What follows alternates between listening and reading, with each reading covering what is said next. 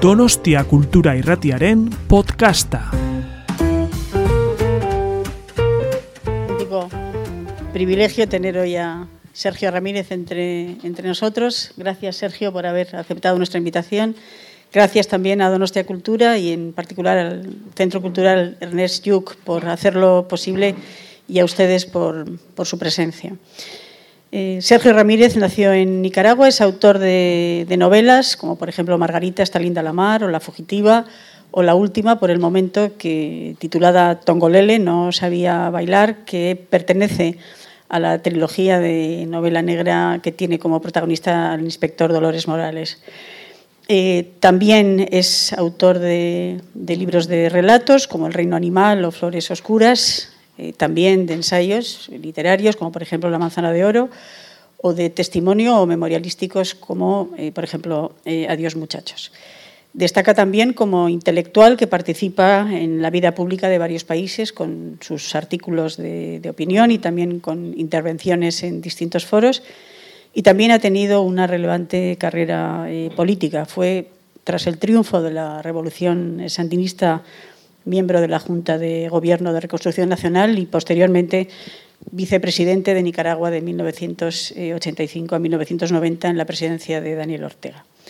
Actualmente vive exiliado en Madrid y ha recibido en numerosos eh, premios, entre los que cabe destacar eh, el premio Carlos Fuentes, también el premio Alfaguara de novela por eh, Margarita esta linda la mar y naturalmente el premio Cervantes en 2018. Pues eh, esa va a ser en esta presentación en la que eh, tenemos que aunar todos esos eh, elementos de su biografía Quizá esa sería mi primera pregunta, Sergio. Usted es un escritor que está siempre cerca de la realidad, podríamos decir, de la historia con mayúscula. Entonces, mi, mi primera pregunta sería esa.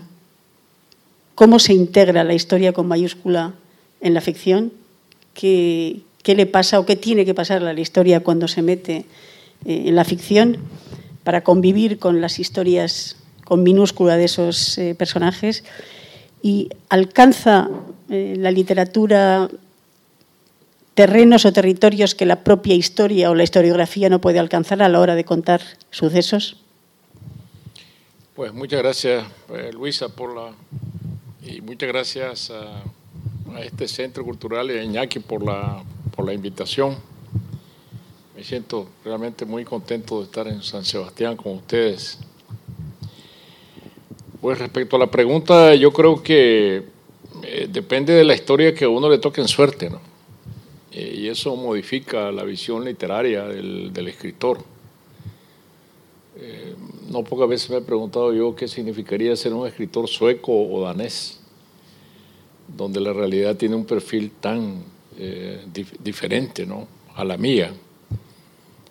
yo vengo de un país volcánico en, en el doble sentido. Eh, geológicamente Nicaragua es un país volcánico. Solo en la costa del Pacífico hay más de 20 volcanes, suficientes para el juicio final.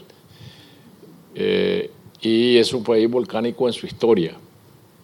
Nunca hemos tenido una historia quieta eh, una historia institucional de sucesión pacífica de gobernantes, sino que la historia siempre se ha visto alterada por la arbitrariedad, por las dictaduras. Y eso es un alimento constante para la literatura, es decir, no podríamos pensar en una literatura que cierre los ojos frente a esa realidad que condiciona la vida del escritor y su propia escritura. Eh, tal vez un, dato personal sirve para ilustrar lo que estoy diciendo. Yo nací en el año 1942, cuando gobernaba Nicaragua el viejo Somoza, fundador de la dinastía. En 1959 entré a la universidad bajo su hijo, Luis Somoza de Baile. Y en 1979, 20 años después, fui parte de la revolución que derrocó al último de la familia Somoza que ya tenía listo al otro heredero. Es decir, la, dinastía hubiera, hubiera, hubiera continuado y hoy tenemos otra dinastía en el poder. Eh, de manera que escaparse de esto es imposible para un, para un escritor porque la, la realidad está teñida, eh, la literatura está teñida constantemente de esta realidad eh, eh, que subvierte la escritura. Entonces, esto es lo, lo, que yo tengo ¿no? como, como material literario, claro. Eso no quiere decir que el escritor tiene que estar mirando siempre, siempre hacia la realidad política, porque entonces corre el riesgo de politizar la escritura. Y, uso esto en su verdad, esa palabra en su verdadero sentido. La, literatura no puede ser politizada. La literatura puede tomar la política y atraerla a las aguas de la ficción siempre que sea necesario para la literatura, porque la literatura es un organismo vivo que tiene sus propias necesidades. Eh, y, el escritor siempre tiene que conservar la libertad de poder andar por los caminos que elija, sean o no políticos. Eh, eh, sean o no, estén o no conectados a esa, a esa realidad. Pero a veces tenemos la, tenemos la impresión en, grandes eh, sucesos históricos, estoy pensando por ejemplo en la Shoah, ¿no? Eh, que conocemos mejor lo que pasa a través de la ficción, a través de las novelas, a través del cine, que, mm, por ejemplo, a través de la investigación histórica, mm, ¿por qué es eso? ¿Qué gana la historia cuando, o qué ganan los personajes históricos cuando se mezclan con personajes ficticios, por ejemplo, como es el caso en muchas de sus novelas? Bueno, hoy, hoy por la mañana eh, tuve la oportunidad de, visitar la, eh, la biblioteca de la, del, eh, de la Basílica de, San Ignacio, y me llevaron a la sala donde están los incunables, eh, libros del siglo XVI, del siglo XVII, y todos están ordenados para que un investigador eh, pueda sentarse allí a, investigar la compañía de Jesús, a investigar la vida de San Ignacio, de San Francisco Javier, etcétera, ¿no? Entonces yo me, hacía hoy en la mañana esta reflexión. Yo sentado en esta mesa, eh, puede sentarse aquí un escritor o puede sentarse un historiador. Eh, el historiador va a buscar en la historia los datos y se va a circunscribir a ellos con toda exactitud. No puede falsear un solo dato porque entonces faltaría la verdad histórica. Igual que un periodista no puede alterar una crónica periodística porque falta la verdad que el, lector del periódico reclama. Yo no le puedo mentir al lector, ¿no? Eh, pero en la novela es al revés. El, novelista, el escritor es un, es un mentiroso profesional y está obligado a alterar. Eh, la documentación que tiene allí a su alrededor en esa sala y lo que yo sacaría como novelista obviamente es una novela, no un libro de historia. Creo que esta es una diferencia eh, fundamental. Pero además de eso, eh, creo yo que, la historia, la historia real se conoce mejor a través de las, de las novelas que a través de los propios libros de historia que a veces pueden resultar más farragosos. Eh, yo, puedo eh, tener en un estante una colección que dice Historia General de España o Historia General del País Vasco, son 20 tomos. Eh, nadie se va a leer eso por recreación. Nadie va a buscar allí cómo pasar un buen rato, a menos que sea un especialista. Pero en una novela como En Guerra y Paz de Tolstoy, por ejemplo, uno aprende más de la invasión napoleónica a Rusia en 1812 que si se leyera 20 tomos. Y además tiene la oportunidad no solo de conocer la historia, sino de conocer por dentro a los personajes, que para un historiador es más difícil meterse dentro del alma de los personajes, porque eh, un historiador puede narrar los hechos históricos, pero ya develar lo que está dentro del personaje, las pasiones que hay dentro de un personaje, sus fortalezas, sus debilidades, Ahí solamente el escalpelo del, novelista puede penetrar a profundidad y darnos al ser humano que es el protagonista histórico.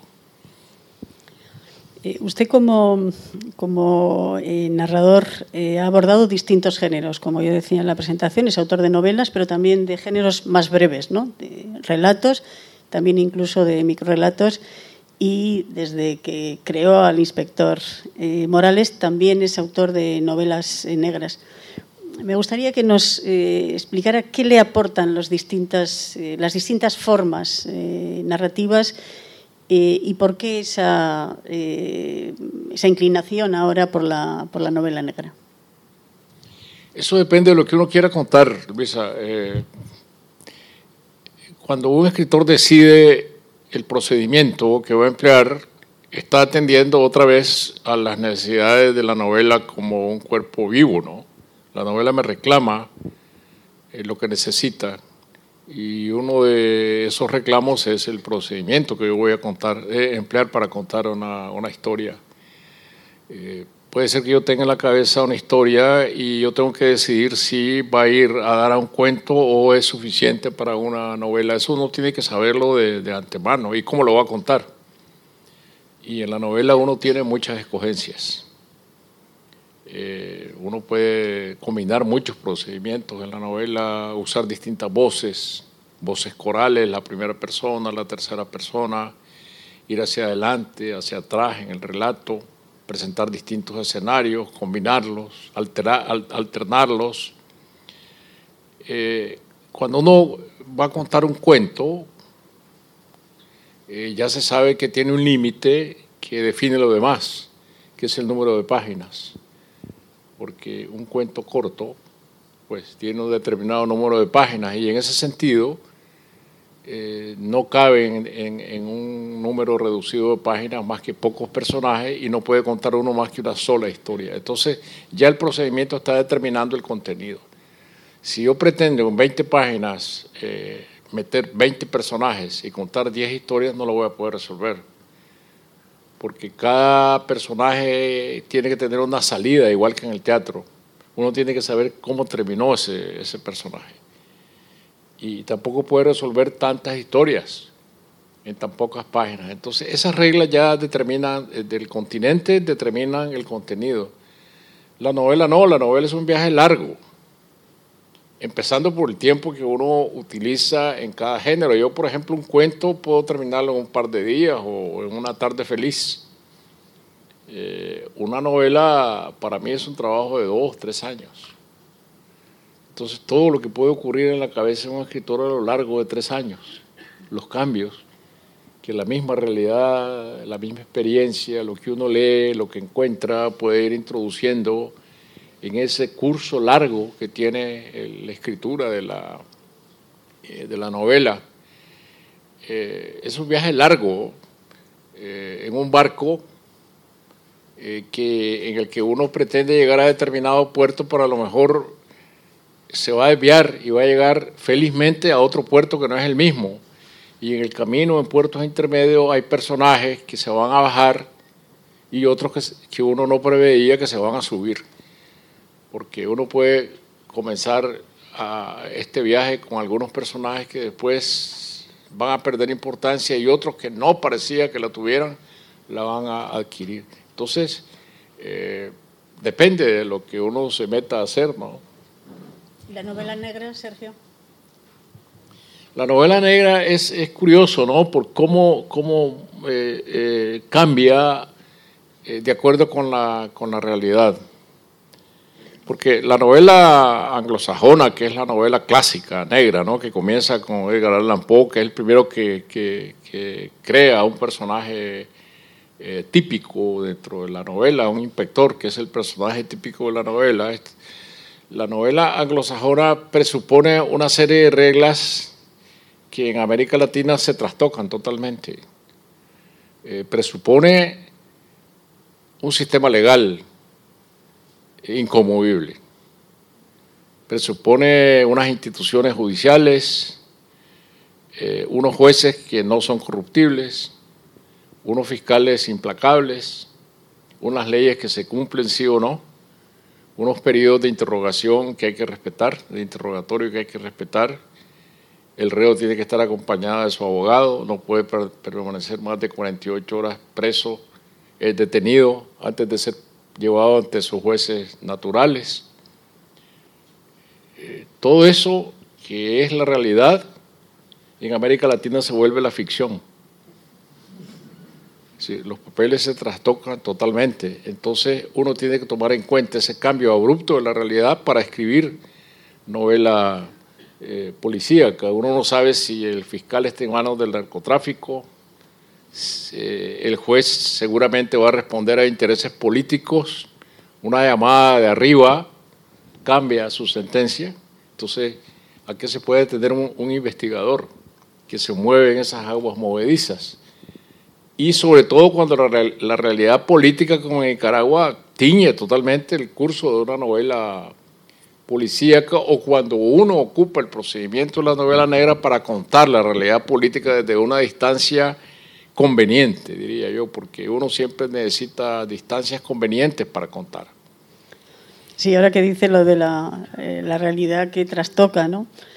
Eh, usted ha comentado que, que, el nombre de su protagonista, Dolores Morales, es un nombre, podríamos decir, habitual en la realidad de su país y, sin embargo, visto desde el exterior parece realmente una metáfora eh, crítica absolutamente, ¿no? Y eso me lleva eh, a, preguntar, nos ha hecho sonreír su respuesta, eh, a preguntar por el humor, que en su obra es importantísimo, ¿no? Un, un, humor muy subversivo, yo diría que en ese sentido muy cervantino. ¿Nos puede hablar un poquito de esto? Vuelvo otra vez al asunto de la, de la, de la realidad. Estaba recordando a un amigo mexicano, Carlos Monsiváis, que decía que en, en América Latina, eh, particularmente en México, eh, Kafka sería un novelista de costumbres. Por eso mismo, ¿no? De que, de que la realidad eh, cambia tanto, ¿no? Y el hecho de que mi, de que mi, de que mi, de, que mi personaje se llama se llame Dolores Morales suena como un gran acierto de invención, ¿no? Decir, haber concebido un personaje que se llame Dolores y además Morales, los Dolores Morales, en una, una persona que lleva sobre su espalda este nombre de Dolores eh, Morales. Esto lleva a uno de los personajes de mi novela, Lord Dixon, que es el compañero de aventuras de Dolores Morales, a decirle al inspector Dolores Morales que más bien él debería llamarse placeres físicos, porque el, nombre se presta a este juego doble, ¿no? Pero la realidad es que en Nicaragua yo conozco muchos Dolores Morales porque existe la costumbre en América Latina de poner a los, niños varones nombres de, vírgenes. Las madres los entregan a la, protección de las, eh, de las vírgenes y así existen Pilar varones, Dolores varones, eh, Guadalupe, en México hay muchísimo Don Guadalupe, y entonces el nombre Morales también es, común en Nicaragua, de manera que hay, eh, conozco, pues, como les decía, varios, eh, varios dolores morales, pero yo sé que este es un instrumento que se, fue, se, presta a esta dualidad, que a su vez lleva al humor, que para mí es otra manera de tomar distancia eh, frente a los acontecimientos, que cuando son demasiado dramáticos, si uno no interpone esta cortina del humor o no toma distancia por medio del, del humor, eh, eh, la novela puede resultar cargada, contaminada, y uno puede desviarse hacia la denuncia, que lo peor que le puede pasar a una novela es, convertirse en un instrumento de denuncia descarnada y que, el, escritor intervenga a cada paso para señalarle al lector que, lo malo que aquí está ocurriendo, lo deleznable que son estas eh, situaciones.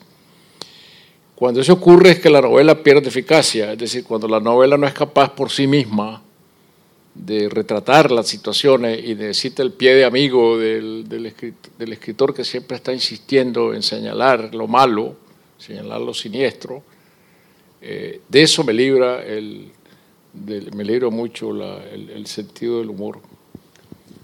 Algo que quería también preguntarles, eh, usted es sin duda un maestro de la descripción y también de lo que yo llamaría la composición narrativa, la arquitectura narrativa. ¿no? Y quería preguntarle, porque sus novelas eh, muchas veces mezclan planos, eh, planos eh, temporales, distintas perspectivas, etcétera. ¿Cómo se plantea esa arquitectura narrativa cuando imagina una novela? Y también preguntarle hasta qué punto su contacto muy íntimo y muy temprano en su vida con el mundo del cine eh, le ha marcado en esa, en esa idea de lo que puede ser el montaje narrativo de una novela?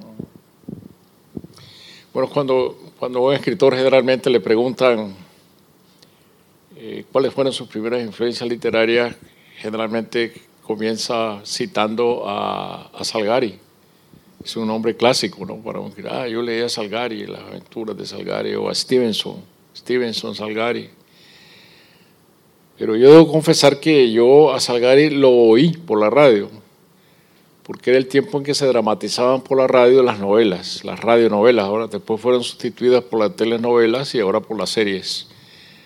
Pero en ese tiempo eran las radionovelas y, y, un descubrimiento básico para mí fue adivinar lo que había detrás de las voces y de los efectos de sonido que tenían las, eh, las novelas. Una vez que entré al santuario de Radio Mundial, yo en Managua, donde se grababan todas estas novelas que escuchaba todo el país, me di cuenta de que cuando sonaban unas espadas en un combate entre espadachines, eh, tenían en el estudio dos cuchillos de mesa que los, eh, los, eh, los hacían entrechocar. Y tenían una pequeña pedazo de madera con una cerradura que cuando se cerraba una puerta la empujaban entonces sonaba como la cerradura y, el, eh, y cuando soplaba el viento tenían una hoja de zinc que la movían y eso era la tormenta. Eso, eso, eso era la, eh, es decir, cómo se, en el oído estos recursos transformaban la realidad. Y uno estaba obligado a escuchar eh, a través de las voces, a adivinar los rostros. Que eso es lo mismo que pasa con la lectura, ¿no? Uno a leer tiene que imaginar Así como imaginaba a través de las voces con la radio, la lectura no imagina los rostros. Si uno en una lectura, eh, eh, vamos a ver, alguien lee eh, Madame Bovary de Flaubert, va a tener distintas imágenes de Madame Bovary. Es imposible que todos consigan la misma imagen, a menos que uno la vea en la pantalla del cine. Y entonces sí hay una, hay una comunidad de imágenes. Uno ya sabe que Isabel Duper es Madame Bovary y ese es el rostro o, quizás los lo grabados de Gustavo Doré nos llevan a una sola imagen del Quijote. Pero eso son excepciones. por lo demás, la imaginación es libre para darnos a cada uno un rostro de, personaje.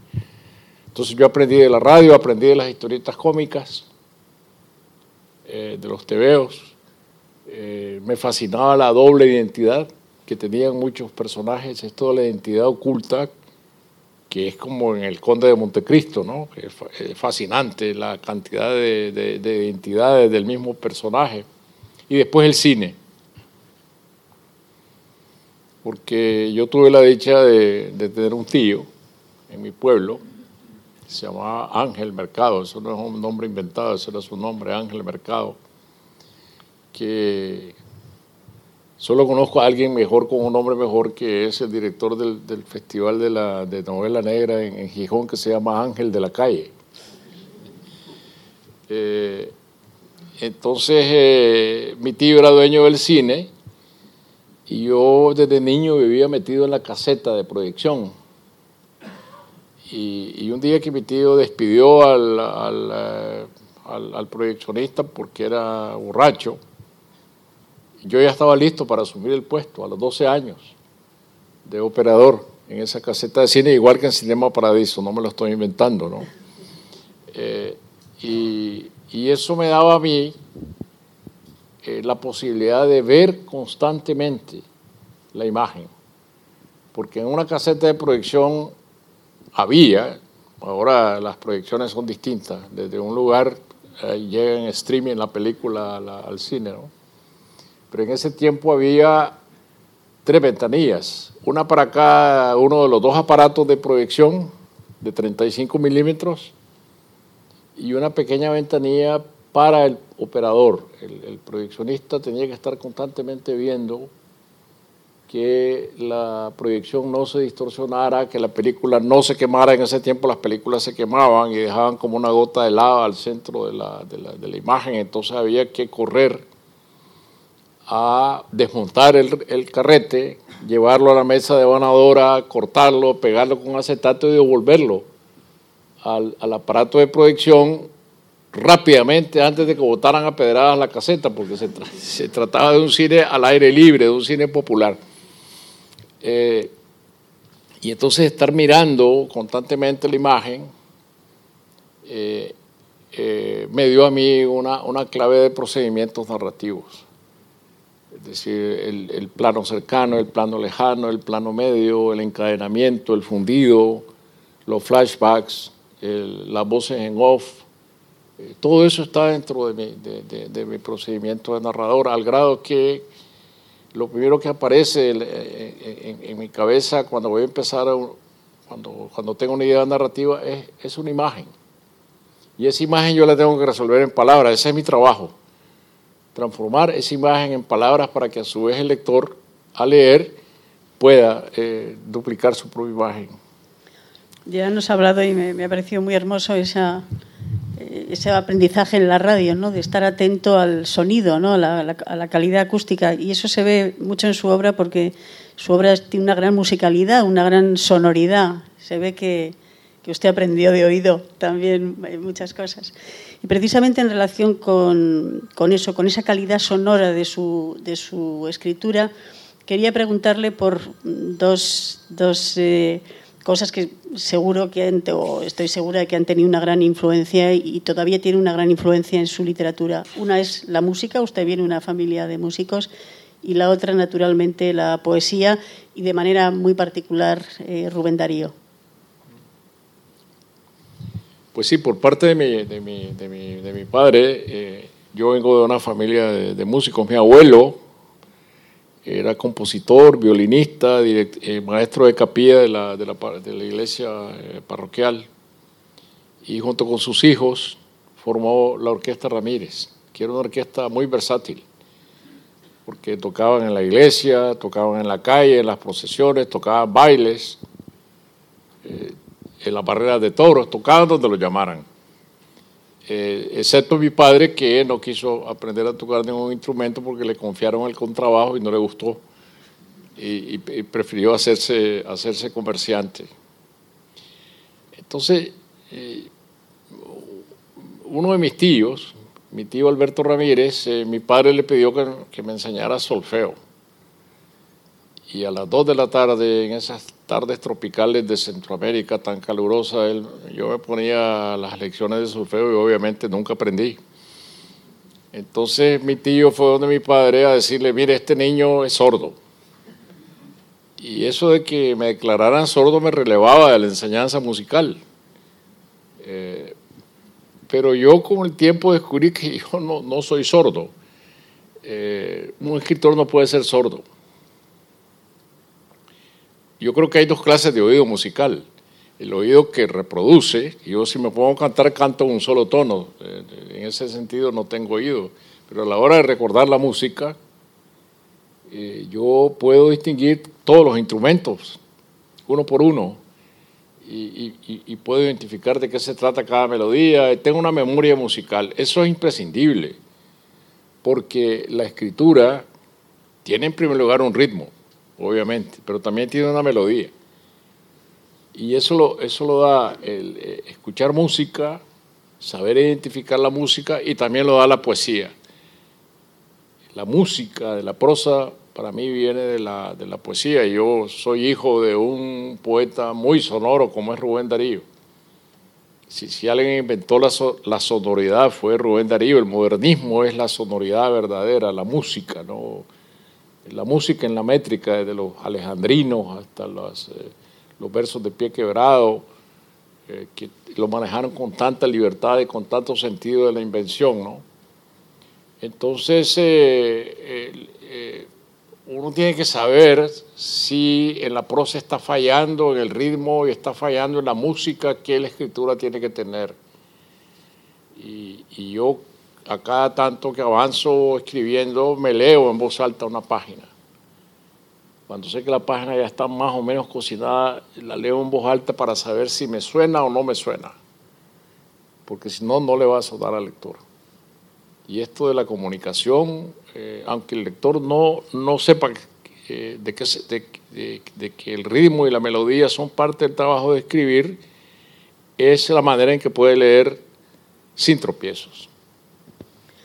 Pues precisamente la música y la, y la poesía me, me, van a servir de pasarela, ¿no? de puente entre, entre lo literario y lo político, ¿no?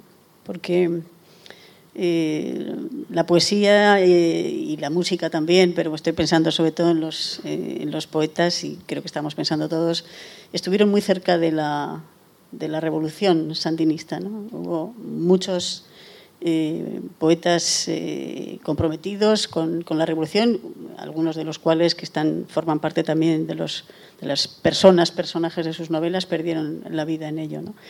Me gustaría que, nos hablara de eso, de esa relación de, la revolución sandinista con, con, la poesía, con los poetas, con, con los músicos, que como hablábamos antes de que a veces la ficción hace que nos lleguen episodios históricos eh, de un modo más, más vivo, pues yo creo que, que, a muchos de nosotros que vivíamos lejos, la revolución sandinista nos llegó a través de, la, de las canciones y de, y de, la poesía. ¿Nos habla un poco de esto, Sergio? Mm. Bueno, yo cuando recibí el premio Cervantes, eh, eh, una decía en mi, en mi, en, mi discurso en, Alcalá eh, de dar es que en Nicaragua eh, todo el mundo es poeta mientras no se le demuestre lo contrario. Y eso es una gran verdad, ¿no? Es decir, la poesía está inoculada en los genes de, de, todo el mundo, ¿no? Eh, gracias, obviamente, a la, figura tan dominante de, eh, de Rubén Darío. Pero en Nicaragua la poesía siempre evolucionó a través del tiempo eh, de la poesía modernista al postmodernismo, del postmodernismo a la vanguardia, después la postvanguardia hasta llegar a la figura de Ernesto Cardenal, desde Rubén Darío a Ernesto Cardenal, pasando por la generación de vanguardia, para Antonio Cuadra, José Coronel Ortecho. Eh, de manera que siempre hemos, eh, hemos tenido una poesía, yo diría, al día, bajo distintas influencias. La poesía nicaragüense a mitad del camino estuvo muy influenciada por la poesía norteamericana, que es una poesía más en prosa, una poesía más narrativa, más directa, ¿no? Y, de ahí viene Ernesto Cardenal, que es, un narrador en prosa, un, narrador de, hechos en la, en la poesía, ¿no? Eh, de manera que cuando llega la revolución en 1979,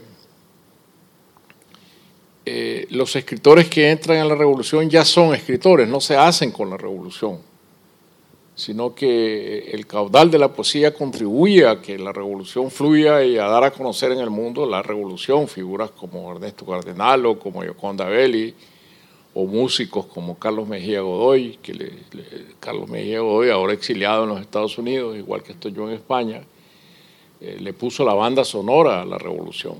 Las canciones por las cuales se conoció en el mundo la revolución son de de, Carlos Mejía Godoy, así como la poesía de Ernesto Cardenal le dio este sentido poético a la, a la, a la revolución. De manera que literatura y, y, política siempre han ido muy de la mano eh, en Nicaragua, siempre que entendamos la política como un afán del escritor de darle una, una perspectiva ética a la política, no a la política como tal sino la proyección ética que debe tener la, la, la, política como proceso transformador. Y en este sentido es que estas figuras contribuyeron mucho a, a darle este relieve a la revolución. Sí, usted mismo ha escrito que su propia eh, vinculación con la revolución eh, fue obedecer a una llamada que no era una llamada política, que era una llamada ética, ¿no? Sí, cuando, cuando en el año 75 yo, yo, yo viví en Alemania, eh, yo estaba terminando una estadía en Alemania, como tenía una beca de escritor, yo había ido a Alemania a, hacer mi vida de escritor, quería ser solo, a esa altura de mi vida ya quería ser solo, solo escritor, vivía en Berlín, y cuando en eso yo sentí ese llamado de que era el momento de regresar a Nicaragua porque venía encima la revolución. Y yo tenía la opción de haberme quedado en Francia. Eh, se iba a abrir el Centro Pompidou en esos años, en ese tiempo, y, me ofrecieron un puesto como guionista de cine. Y yo dije, no, yo, me, yo tengo que volver a Nicaragua, a este llamado, a atender este llamado, que no era para mí un llamado político. Si, si, yo he vivido en un país donde la política es parte de la normalidad de la vida diaria, que hay partidos, ideologías, elecciones, a mí jamás me hubiera interesado eh, ser candidato a un puesto público o ser electo para una función o un cargo. Eh, si no es porque se trataba de un proceso que yo creía que era profundamente transformador, que el país donde yo vivía sometido a una dictadura podía cambiar de raíz y convertirse en algo muy distinto, es decir, perseguir una utopía. Esta voluntad utópica es la que me movió a mí y a los otros escritores a involucrarnos de lleno, dejar todo lo que teníamos detrás y meternos de cabeza en este en este proceso, que es parte de la experiencia vital. Yo no, no me estoy quejando de lo que resultó después.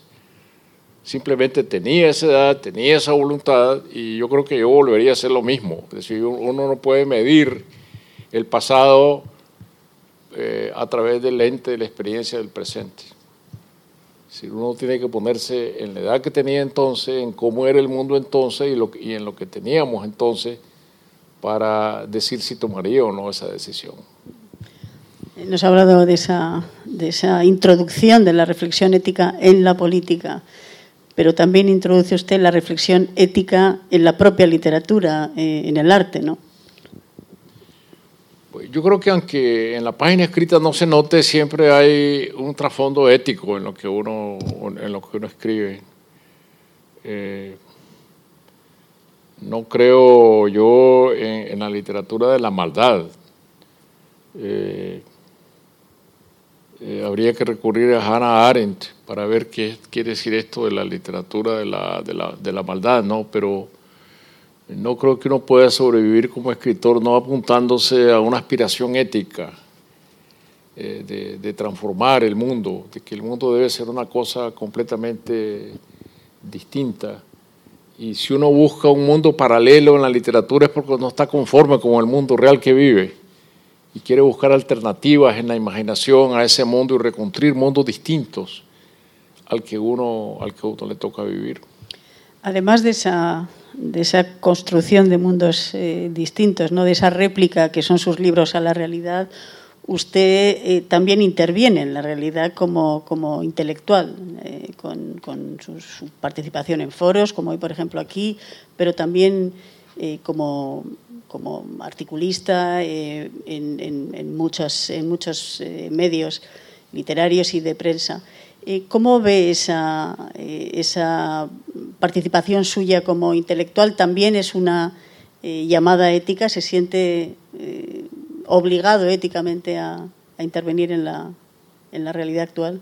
Sí, yo creo que uno tiene una, una, una escogencia libre como escritor, como autor de ficciones, en la vida real como intelectual tiene una doble escogencia. O uno se queda callado y no dice nada de lo que está pasando alrededor, ignora lo que está pasando alrededor o no lo considera importante y sigue escribiendo y puede ser un, magnífico escritor, puede ser un magnífico poeta eh, sin pronunciarse.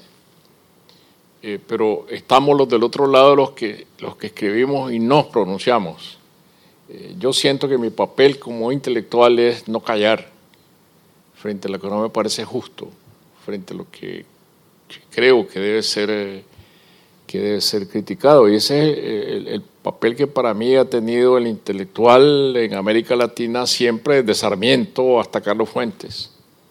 Es decir, el, el, el, intelectual que tiene una voz y la tiene por medio y está siempre señalando eh, críticamente el, al poder. ¿Está cambiando la, la figura o la participación del de, de intelectual en, en, la vida pública por la existencia también de las redes, que son, que son las redes sociales en las que mucho del debate del debate político y del debate cultural, etcétera, eh, se produce hoy a través de, a través de las redes. Eh, y muchas veces no tenemos la impresión de que es la oportunidad de un debate sosegado o muy profundo, sino, sino al contrario. Usted participa también en, en, las redes, es un intelectual que interviene también en esos formatos. ¿Cómo se siente eh, en el interior de ese mundo de las redes sociales? Yo creo que las redes sociales tienen muy mala fama porque apelan a la superficialidad, porque muchas veces son instrumentos de odio que también es superficial. Eso de, darle like a algo sin haberlo leído es eh, sumar, sumar, eh, nada más. Eh, no hay, se piensa que no hay oportunidades para la, para la reflexión. Sí las hay en, en las redes sociales, muchas oportunidades para la reflexión y para el corte, para el corte profundo. Las redes sociales no son más que un instrumento tecnológico como cualquier otro, que se puede usar en cualquier sentido. Eh, y, yo creo que hoy existen, existen instrumentos como los blogs, que son eh, espacios de opinión, como los podcasts, donde están ahora me parece que cada vez se vuelven más importantes, es decir, los diálogos hablados, otra vez la radio transformada en, a través de la tecnología digital, pero para mí es la misma radio, ¿no? El instrumento es el, que cambia. Pero yo creo que hay algo más profundo que, que, la red o no la red, sino que me parece que hay una dispersión de las causas, una fragmentación de las causas. Yo crecí creyendo en causas globales, en, causas, en causas unidas, en causas de conjunto, ¿no? Había grandes propuestas sociales, grandes propuestas políticas, Hoy en día todo está fragmentado. Y de esta fragmentación y de esta dispersión eh, se aprovecha mucho la demagogia en, las redes. Eh, el otro, eh, leí hace poco un libro muy iluminador que, se llama Esto no es propaganda, donde, donde analiza todo este fenómeno de los bots y de toda la falsificación que hay en las redes de la, de la opinión. Y mucho tiene que ver la fragmentación eh, de, la, de, la, de, las opiniones. Eh, se puede en las campañas electorales incidir porque hay gente que no coincide en grandes causas, pero coincide en, en, causas pequeñas, o, no coincide en causas pequeñas, pero va a dar a los mismos intereses eh, electorales. Unos están interesados nada más en la ecología, otros están interesados nada más en, en los derechos de género, otros están interesados en, eh, los asuntos de, la sanidad. Entonces todas estas causas a veces se vuelven por fragmentarias eh, contradictorias, pero ya eh, lo estamos viendo en las grandes crisis políticas que todas esas formaciones políticas que representaban todas las causas desaparecieron. Y hoy lo que existe es una gran fragmentación de los electorados también. Y supongo que eso eh, pienso que tiene conexión con el hecho también de que el, propio conocimiento, ¿no? ya no se transmite un conocimiento, podríamos decir, humanista, universalista, englobador, sino que tendemos a, disminuir la importancia de las humanidades y a transmitir conocimientos también muy fragmentados, muy especializados. ¿no? Supongo que esas cosas también están conectadas. Sí, yo creo que se ha llegado un momento eh, en la, digamos, en la, eh, en la sacralización eh, de lo fragmentario en contra del todo. toda esta tesis de que hay, cada quien le toca cuidar su parte porque el todo se cuida solo, es lo que contradice este gran sentido humanista que la misma palabra universidad, universitas, tenía antes. Eh, es decir, uno tiene que saber un poco de todo y estar metido en todo y esto lo, facilitan las humanidades. Yo todavía eh, eh, vengo en mi propia formación de esta educación un tanto enciclopédica yo eh, eh, en escuela primaria me aprendía los ríos de Europa, sabía cuáles eran, las cadenas montañosas de Asia, sabía quiénes eran los, libertadores de América Latina, de, San Martín a, Bolívar, a Sucre, pero también sabía quién era Napoleón. Entonces, eh, era una enseñanza diversa, eh, no súper especializada como la de hoy, donde el todo se cuida solo yo cuido sola mi, mi, propia parte. Yo puedo ser un gran experto en, en, en nanología e ignorar quién era Platón. Eso es una gran desgracia. Pues ya que menciona la, la, palabra desgracia, yo tengo más preguntas que hacerle, pero le voy a hacer esta, esta última pregunta antes de pasar a un turno de intervenciones. Tengo más, o sea que podemos ir también eh, combinando. Pero bueno, quería eh, precisamente eh, hablarle del, exilio. Usted ha conocido distintos exilios en su vida y ahora está exiliado en, en Madrid. Qué significa el exilio para usted y cómo es la escritura desde el exilio. Yo creo que el exilio es consecuencia de que no hay escritura inocente. Eh, la escritura siempre tiene consecuencias y uno termina pagando las consecuencias de ser escritor, ¿no? Es decir, cuando el poder político es indiferente a la escritura, o cuando el poder político recoge al escritor y lo corona de lauros, eh, creo que debemos entrar en, profunda desconfianza. No me estoy refiriendo al poder político democrático, me estoy refiriendo al poder político tal como yo lo conozco, al poder político autocrático. ¿no? Es decir, eh, la, la, la, contradicción entre intelectual y escritor y poder político autocrático siempre es muy severa. Y, claro, eh, eh, quien, quien, lleva la de perder siempre es el intelectual desarmado frente al poder autocrático armado, porque tiene el poder de sacarte de tu propio país y cerrarte las fronteras y obligarte al exilio. Por eso que eh, para mí el, sinónimo más el sinónimo más desgarrador que tiene la palabra exilio es extrañamiento.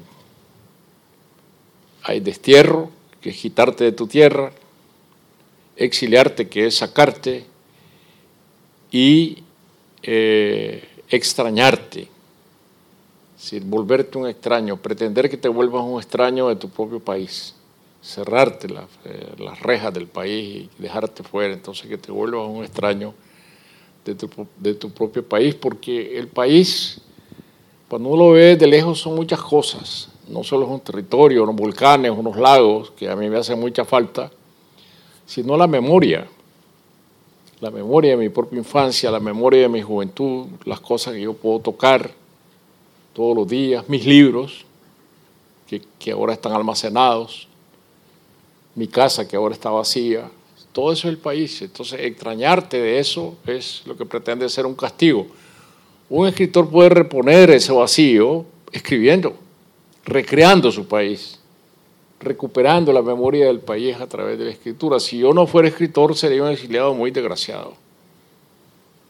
Eh, pero tengo la escritura, que es mi recurso de conectarme siempre con, con el país. Siempre pienso en, siempre pienso en Ovidio, al que mandaron al exilio al peor de los lugares que podía haber. El Ponte Oxino es un lugar, lo que hoy es Rumanía, pero en ese tiempo era un lugar desolado, helado, en el Mar Negro, aislado. Eh, no, no, no, eh, lo habían sacado de la gran urbe, de la metrópoli que era Roma, y lo habían mandado a los confines del mundo. Ese era el peor castigo que podía haber. Sin embargo, nunca dejó de escribir. Eh, ahí en el exilio escribió Las Tristes, Ovidio de manera que yo no he corrido esa suerte. Yo, yo, yo paso mi exilio en una ciudad maravillosa, como es, como es Madrid. ¿no? Estoy conectado con el teatro, con los escritores. Hago una vida urbana que no es la mía, porque Managua es una ciudad pequeña, pero bueno, eh, me, siento compensado en ese, en ese sentido. Y paradójicamente su escritura se vuelve también más cercana a, a Nicaragua, ¿no? Cuando se está en la distancia esa idea de, acercar la escritura al país. La, nostalgia es un lente de aumento. sí, Pues yo eh, le había dicho que era la última pregunta antes de pasar, pero era la penúltima, porque he hablado de la, de la memoria y hemos estado recorriendo eh, su vida, que es también recorrer la historia de, de Nicaragua, y se lo voy a eh, preguntar de la manera más sencilla, ¿no? ¿Qué ha pasado en Nicaragua, Sergio? ¿Desde cuándo? Desde, desde, desde que la revolución eh, parece que había acabado con... si quieres, con, solo dar, darte el parte del día nos demoramos una hora, el parte de hoy, ¿no? no, digamos que usted ha participado en, la revolución sandinista y está ahora exiliado eh, por, eh, por, la misma, por la misma persona, ¿no? por el mismo presidente. Eso es desde luego una interrogación eh, profunda, ¿no? de cuál ha sido ese, ese proceso que, que ha podido llevar la, a la revolución sandinista y a muchos de sus protagonistas a la situación actual. ¿no? yo cuando, cuando triunfó la revolución en Nicaragua, yo ya había leído a Balzac, había leído a Papá Goriot, y sabía cómo, cómo Balzac eh, reúne, recoge estos personajes que habían peleado en las barricadas para derrocar a la, monarquía en Francia, en la Revolución Francesa. Esta gente que se había sacrificado, que había arriesgado su vida tras las barricadas, y de repente aparecen convertidos en comerciantes, en dueños de viñedos, de bosques labrantíos, son los nuevos ricos en Francia. Es la, es la, es la nueva burguesía que la revolución crea. Y yo, yo, mi reflexión era, esto no va a pasar en Nicaragua porque esta revolución es diferente. Y terminó pasando lo mismo. Eh, esta mecánica, este molino feroz de la historia que muele siempre de la misma manera. No quiere decir que no puede llegar a moler de otra manera, pero se repitió el mismo fenómeno, la avidez por la riqueza, por el poder por sí mismo, el abandono de los sueños revolucionarios, de las utopías, quedarse en el poder para siempre a costa de cualquier cosa. Eh, esto me parece que es la gran tragedia eh, que hemos vivido en el país y, la transformación eh, negativa que el país, eh, el país sufrió después de mucha sangre derramada, después de tantos sacrificios, después de tantas confrontaciones, venir otra vez a repetir lo mismo. Bueno, pues eh, les voy a eh, pasar la palabra con una petición. Por favor, eh, sé que va a haber sin duda muchas preguntas. Que sean, por favor, sus, reflexiones o sus preguntas breves para que podamos equilibrar los turnos de palabra de todo el mundo.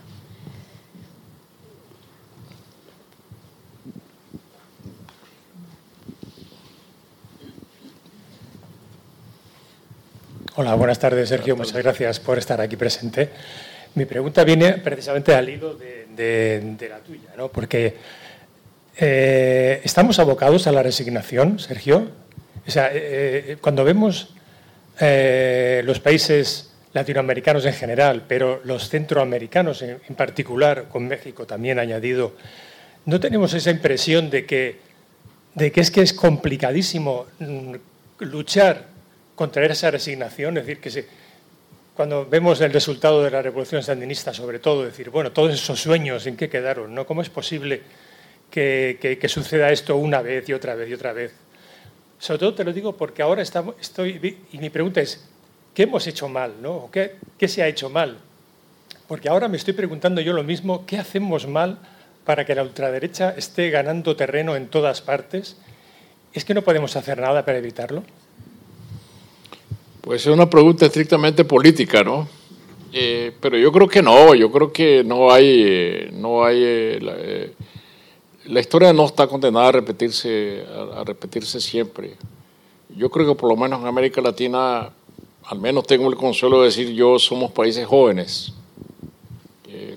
la, vida independiente de los países latinoamericanos apenas data de 1812, 1821 es decir, quizás estamos viviendo nuestra propiedad media ahora mismo, ¿no? Eh, y falta mucho futuro por, por, ver, ¿no? Y yo sí, sí tengo una gran, una gran fe en que habrá un cambio, eh, un cambio que nos lleve a, modelos eh, verdaderamente eh, democráticos. La gran tentación es pensar que la democracia es un mal instrumento, que es un mal instrumento porque le da acceso a la, a la ultraizquierda en los parlamentos, le da acceso a la ultraderecha, pero la, la, democracia es un sistema de prueba y error. tiene que ser así, ¿no? La democracia es discriminatoria y si alguien dice este no porque es de ultraderecha, este no participa porque es de izquierda, entonces ya no es democracia, es decir, es el elector el que tiene que decidir cuáles son sus verdaderas opciones. Muchas veces eh, los electores lo que, lo que hacen es castigar a los sistemas que no funcionan, a los sistemas políticos que no funcionan. Eh, si no veamos cómo las opciones, veámonos las elecciones de Francia, el hecho de que la señora Le Pen tenga 40% del voto a la vez presupone el hundimiento de las formaciones políticas que rigieron en Francia desde los tiempos del general de Gaulle. La fuerza socialista y, los, los gaullistas desaparecieron del mapa político. ¿Pero por qué desaparecieron? Porque perdieron prestigio. ¿Por qué sale Chávez en Venezuela? porque al mismo tiempo se hunde el Partido Socialdemócrata y el Partido Social Cristiano después de 50 años de manejar juntos el poder. Entonces, esta, estas crisis dan lugar a otras crisis. Eh, pero eso no quiere decir que la democracia sea sustituible. Yo creo que quienes quieren acabar con la democracia son los que usan las elecciones para eh, buscar cómo legitimar eh, regímenes autoritarios.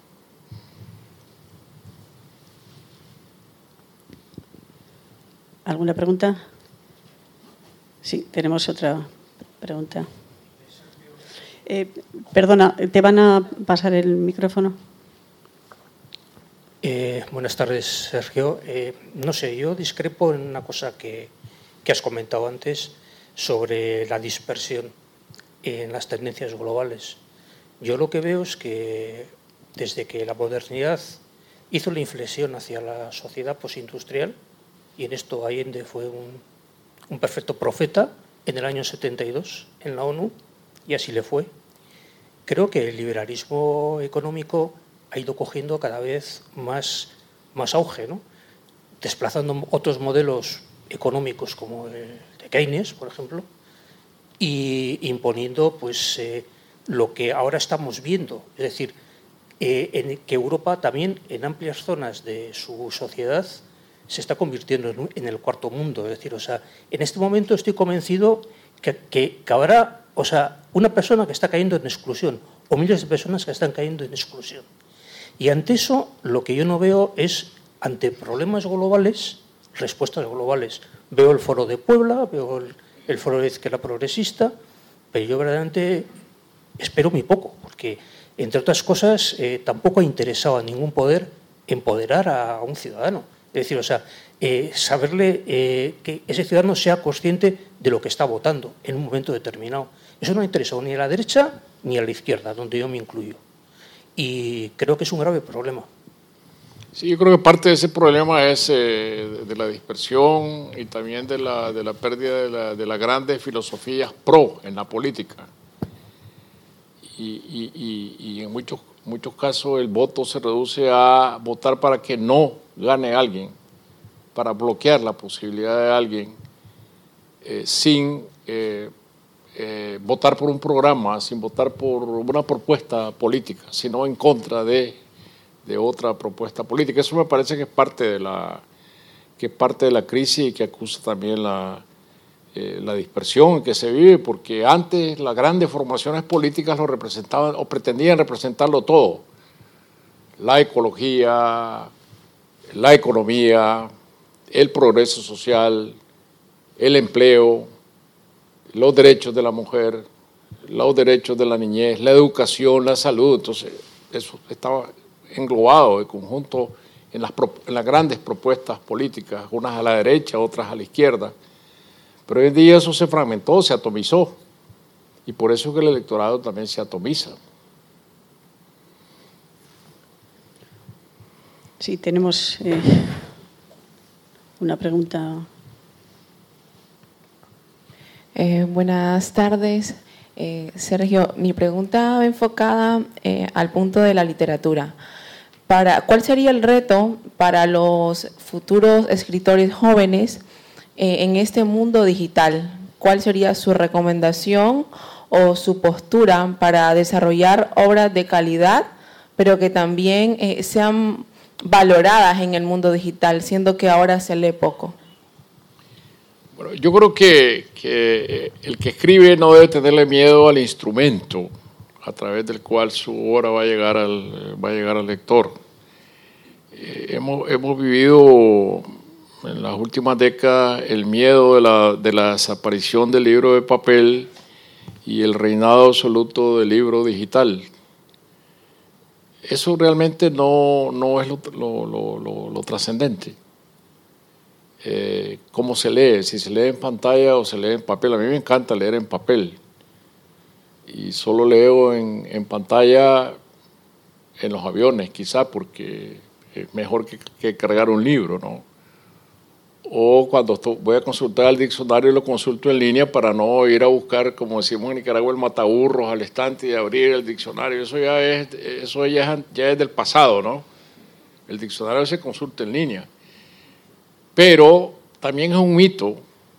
La vez pasada, en, un encuentro en Málaga de la, de la, de la cátedra Vargas Llosa, había una reunión de editores muy interesante. Estaba la, directora de, Random House y estaba eh, la directora de una editorial más pequeña. Y una cosa me di cuenta yo que yo ignoraba o tenía una idea equivocada, que hoy en día de, los libros que llegan al público, solamente el 3% de esos libros es en formato digital. 3% es la cuota de, eh, que comparten los libros digitales frente a los libros de papel. 97% siguen siendo libros de papel. Es decir, eso quiere decir que en los últimos 20 años el libro digital no ha progresado Así como hoy en día eh, eh, leía con, cierto asombro la noticia de que Netflix ha perdido 300 mil suscriptores y este año va a perder 3 millones. Eso es como quitarle un pelillo a un gato porque ellos tienen 400, 500 millones de suscriptores, pero hay un retroceso. Quizá la gente va a volver a las salas de cine, así como los viniles han vuelto. Ahora es, una moda tener un vinil y poner un tocadisco con la aguja. Y yo, me, yo mis viniles en Nicaragua los dejé guardados en un cajón, ahora deben valer una fortuna, ¿no? Hace, hace, hace años, ¿no? Tengo los discos originales de los Beatles, de aquellos tiempos, ¿no? Entonces, eh, yo creo que independientemente de eso, me parece que los formatos no son importantes. Ahora, otra cosa que se está poniendo muy de moda es el audiolibro que es lo que yo le decía, oír las voces. Eh, en, una ciudad como Los Ángeles, donde la gente pasa la mitad de su vida subida en un automóvil, porque las distancias son enormes y las presas de vehículos eh, son lentísimas, pues hay gente que se lee un libro, o se oye un libro en el camino, ¿no? Esa es otra manera. Y es muy atractivo oír a un buen actor interpretar un libro leer un, libro. ¿no? Entonces, esa es otra manera de leer. Va a haber muchas maneras de, leer. Hay ahora los formatos de Internet en los que se cuelgan libros. El autor cuelga un libro que no ha sido publicado por una editorial. O, o, autores que renuncian a las grandes casas editoriales y publican por sí mismos en las redes y tienen miles de suscriptores en las redes. Entonces, a mí me parece que el método eh, no es tan importante. Lo importante es saber que contar historias, el arte de contar historias no va a desaparecer nunca, porque eso depende de una necesidad biológica. El hecho de que a uno le cuenten una historia y otro sepa contar bien esa historia. lo hemos estado haciendo desde hace siete, ocho mil años contando historia y escuchando historia. La, historia la, vida es un relato y siempre vamos a estar pendientes de ese relato. Sí, decía eh, la persona que ha intervenido eh, que eh, cada vez se lee menos. Yo estoy de acuerdo con usted en que efectivamente se están multiplicando las, las maneras de leer y las maneras de acceder a la literatura, pero es verdad también que, que preocupa que los, los índices de, lectura, sobre todo en las generaciones más jóvenes, no despegan y que incluso los datos eh, escolares, etcétera, hablan de una dificultad eh, de comprensión lectora de muchos de ellos. Y quería mm, poner esa reflexión al lado de, una experiencia eh, también de la Revolución Sandinista, ¿no? que se inicia también con aquellas caravanas de alfabetización, ¿no? con la idea de que, de que la revolución, la transformación, como usted decía, pasa por alfabetizar, es decir, por dar a las personas eh, herramientas de, lectura y, por lo tanto, de, acercamiento crítico al mundo en el que están. Eh, ¿Cómo ve eso? ¿Cómo ve verdaderamente que en los países, en países próximos, eh, prósperos, perdón, con, sistemas educativos pues bien articulados, la lectura y la, capacidad lingüística de las generaciones más jóvenes parece, parece encogerse?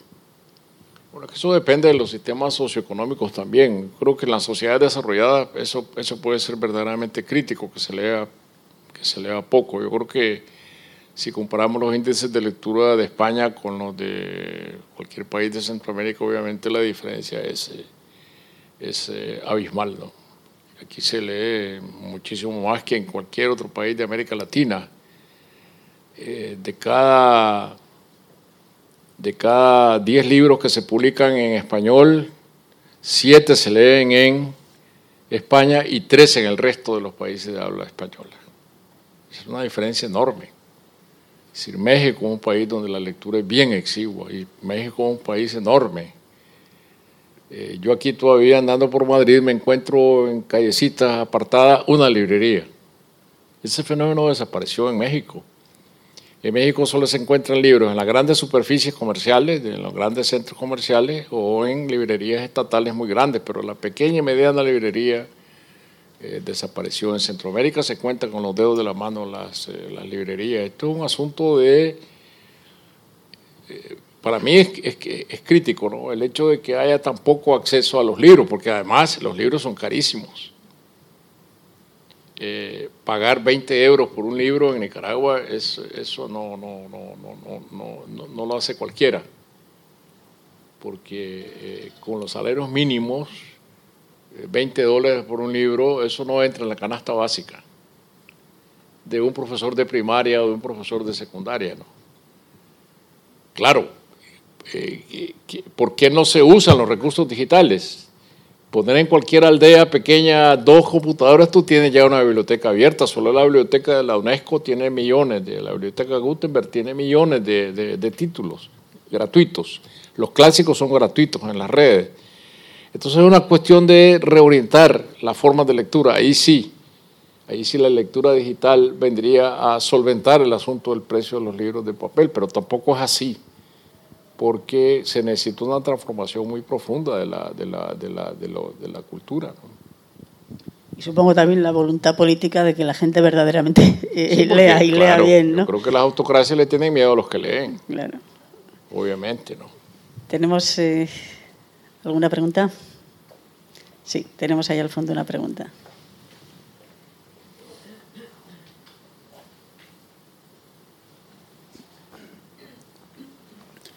Eh, buenas tardes, Sergio. Eh, en realidad, me gustaría hacerte un montón de preguntas, pero voy a limitarme solamente con una. Eh, ¿Cuál crees tú que debiera ser el deber de los, digamos, escritores jóvenes o artistas jóvenes para encarar las dificultades de esta nueva época? ¿Las dificultades? Decir, no sé, las por ejemplo, lo del que en Latinoamérica se lee muy poco. Y decía Borges que la lectura debiera ser algo que se tiene que disfrutar. ¿Cómo, cómo podríamos hacer que eso cambie en, en, la sociedad actual? ¿Cómo se consigue que el escritor. Sí, perfecto, sí, sí, ya, ya comprendo. Este, mira, yo creo que es, poner demasiada carga sobre las espaldas de un escritor joven la responsabilidad de hacer que los demás lean. Eh, yo creo que la responsabilidad de un escritor joven es aprender a escribir bien, porque si no, no va a llegar a ningún lado. Tiene que disciplinarse, leer mucho, corregir lo que escribe y aspirar a llegar a ser un gran escritor no llegar en segundo o tercer lugar. El, maratonista que, piensa que va a llegar en tercer lugar llega en el 50 lugar. No, uno tiene que, decir, yo voy a ser el mejor, yo voy a ser el mejor escritor de mi generación. Esa es la ambición y para eso me tengo que preparar. Y voy a escribir todos los días, aunque sea un rato. Voy a dejar de ir al bar a tomarme una cerveza y me voy a encerrar a escribir voy a leer mucho, me voy a entrenar como un verdadero escritor. Esa es mi responsabilidad.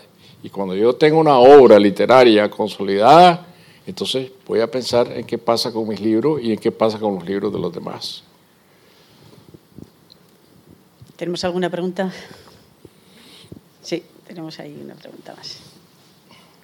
Hola, buenas tardes. Eh, comentando antes, bueno, lo que decía antes de los jóvenes. Bueno, eh, soy también de origen nicaragüense y agradecerle por estar aquí esta tarde con nosotros.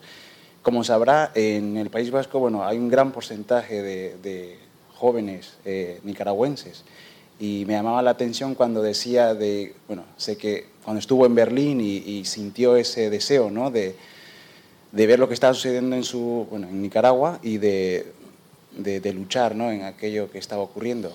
Al estar aquí yo he vuelto a reconocer mi país de muchas cosas que desconocía, de la gran riqueza que tiene y tristemente lo, te das cuenta hasta que estás fuera. Entonces, mi pregunta es, o, sí, ¿qué palabras diría a, a los jóvenes que, que estamos aquí? Eh, muchos en el exilio, otros pues quizás en otra situación, en diferentes circunstancias, de, bueno, ¿qué, qué podemos hacer? Pues tomar provecho de esta situación, de vivir en este, en este país y sacarle el mejor partido eh, posible, ¿no? Eh, hace algún tiempo yo conocí en Madrid eh, dos nicaragüenses que, que, pidieron hablar conmigo y al fin nos pudimos juntar y los dos habían sido curas. Eh, uno había sido el cura de Bubilí el otro era seminarista, iba a obtener las órdenes mayores cuando los dos se involucraron en la resurrección de, abril y salieron, fueron forzados al exilio y se vinieron para, España, ya ninguno de los dos es cura. Eh, y uno de ellos eh, tenía unas cuantas clases en un colegio que el episcopado le había conseguido y la, eh, unas cuantas clases en un colegio de secundaria y el otro no había podido arreglar sus papeles, no tenía, no tenía trabajo. Los dos llenos de grandes dificultades para sobrevivir y sin embargo querían hablar conmigo porque me querían proponer que yo apoyara un programa que ellos estaban buscando cómo organizar para conseguir becas para los estudiantes nicaragüenses expatriados y que viven en España. Yo dije, este país no se acaba siempre que haya gente como esta, ¿no? Que en medio de grandes dificultades están pensando siempre cómo ayudar a los demás. Entonces, yo creo que eh, el exilio impone circunstancias siempre difíciles pero en la medida en que resolvamos nuestra propia situación y ayudemos a resolver la situación de los demás, yo creo que estamos haciendo eh, la labor que se espera de nosotros. ¿no? Sí, además estoy pensando en su última novela, ¿no? en Tongolele no sabía bailar, porque precisamente eh, está ahí esa solidaridad, está esa juventud que, se levanta. usted recoge los acontecimientos de, de 2018 que fueron terriblemente reprimidos y, esa, esa, esa, juventud que vuelve a, a, liderar la, protesta y también los curas, como dice, eh, en solidaridad con eso. ¿no? Eh, yo pienso que, probablemente lo que dice el joven ¿no? pues es la solidaridad fuera y la solidaridad dentro para conseguir que, que las cosas puedan ser, eh, puedan ser distintas. Igual, háblenos un poco de, de esos sucesos de, de 2018 que dan pie a su novela y, qué ha querido contarnos en, en, Tongolele, que es la tercera de la serie de Dolores Morales. ¿Va a haber más Dolores Morales, por cierto? Pues yo no sé si por el momento, yo creo que las novelas las dicta, la, como yo decía, vuelvo a insistir, la novela tiene sus propias necesidades, la novela las dicta la, realidad, ¿no? Eh, yo llegué al tope de las circunstancias, esto, esto son los, narro los acontecimientos de 2018 y es probable que haya más, eh, más acontecimientos. eh, la novela que más quisiera escribir es El inspector Dolores Morales celebrando la caída de la dictadura, ¿no? Pero no sé si eso daría para una novela. Las situaciones felices no dan para las novelas, ¿no? Eh, las novelas están ya siempre de contradicciones por la infelicidad. Nadie narra, eh, la, nadie narra la historia de dos amantes que viven felices para siempre, ¿no? Si se narra las dificultades, no la, no la, no la felicidad. Pero bueno, ojalá, ojalá se diera esa situación y entonces, aunque yo no escribiera esa novela, tuviera que ir a buscar otro tema, porque los temas de la literatura son infinitos. Y ahora lo que va a aparecer eh, publicado este año es un libro de cuentos míos donde he reunido distintos temas. Algunos de ellos tienen que ver con la situación de Nicaragua o con la situación de, Centroamérica en general, o temas que no tienen nada que ver con esta situación. Eh, es un libro que se llamará eh,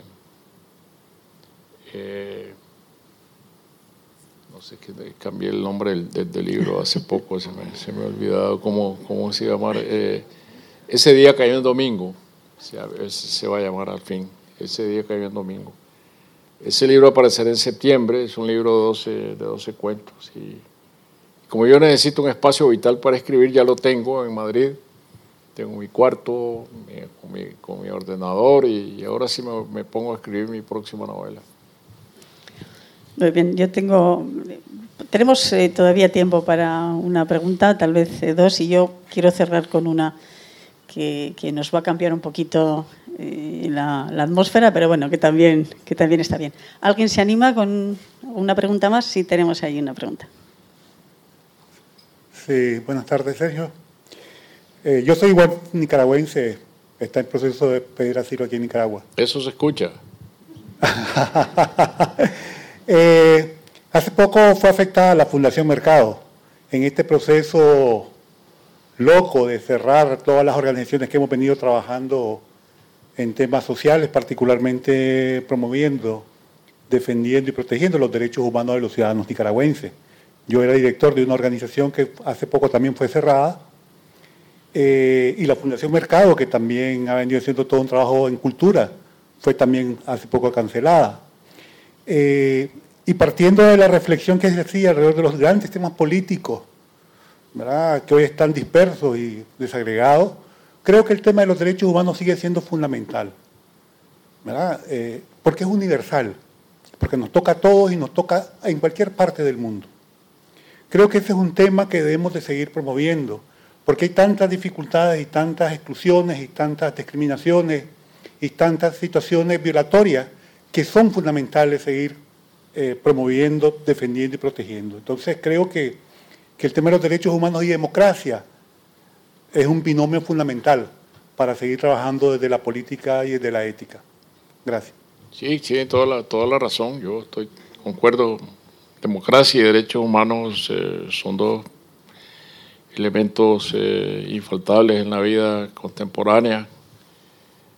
Yo creo que los derechos humanos de los refugiados, de los exiliados, que son tan fundamentales en el día de hoy, hemos visto el hermoso ejemplo de cómo Europa ha acogido a los eh, refugiados ucranianos huyendo de las bombas de Putin y de toda esa barbarie contra un país como Ucrania, pero eso debería representar también la conciencia de que hay refugiados de muchas otras nacionalidades y que todos merecen el mismo trato, todos tienen los mismos derechos, latinoamericanos, marroquíes, palestinos, africanos, que vienen huyendo de la pobreza, de las guerras en África, y todos deberían ser acogidos con la misma bondad y con el mismo cariño y la misma, y la misma solidaridad.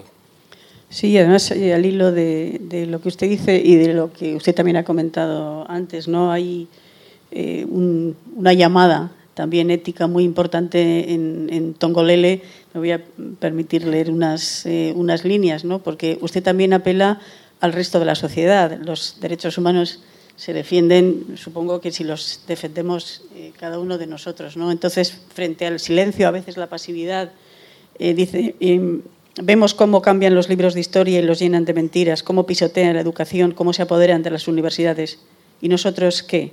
Vemos cómo crecen las turbas que garotean sin piedad al que se atreve a manifestarse y tampoco decimos nada. También vemos las patrullas del ejército en el campo matando campesinos, como aquí nomás. Los vemos acusar a esa pobre gente y va eh, citando, ¿no? Y dice, y, vemos a la, y, nosotros qué? Silencio. Y vemos a la policía dedicada a reprimir, amparando a las turbas, metiendo en la cárcel al inocente y todos callados. Hemos de estar siempre callando. Pues quizá es eso también, ¿no? que la sociedad eh, en su conjunto... No, esa no es mi voz, sino la de un cura en un sermón. Sí, bueno, me refiero a, a, a Tongolele en la, en, la, en la novela de, de Tongolele.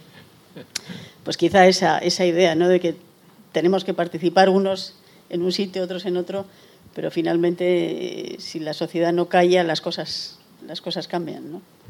Por supuesto, yo creo que ese Nicaragua es un, es un gran ejemplo.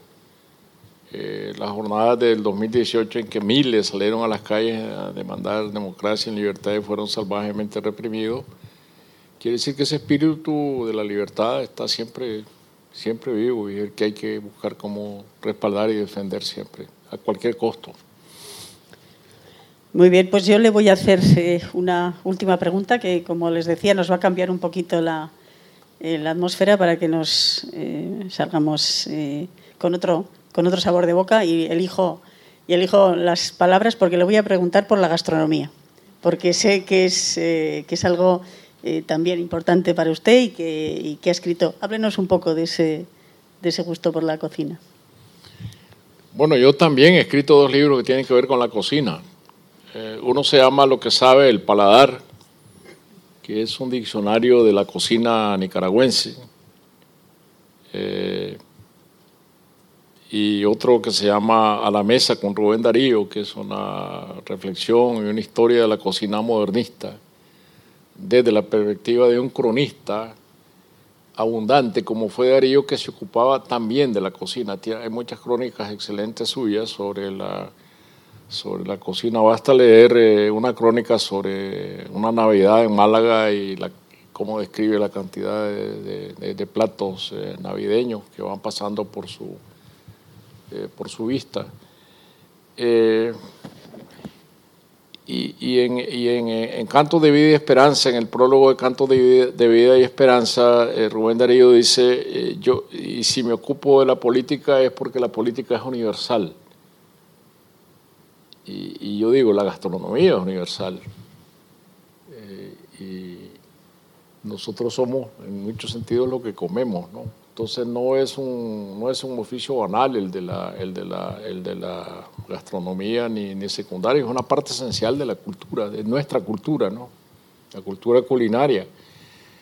Y, en Francia, cuando Rubén Darío llegó a Francia a comienzos del siglo 20, que era la gran exposición universal en, en París, eh, ya la, la, la, la cocina eh, había sido declarada la décima musa en Francia, entonces tenía esta categoría de arte, ¿no? Entonces es un verdadero arte, además de, de una constante de las necesidades diarias de, lo, de, los seres humanos.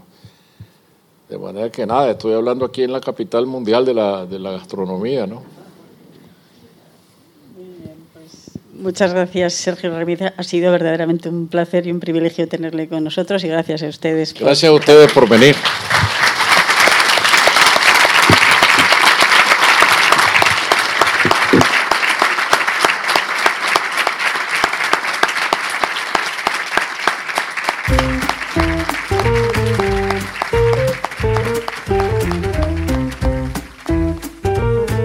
Donostia Kultura Irratiaren podcasta.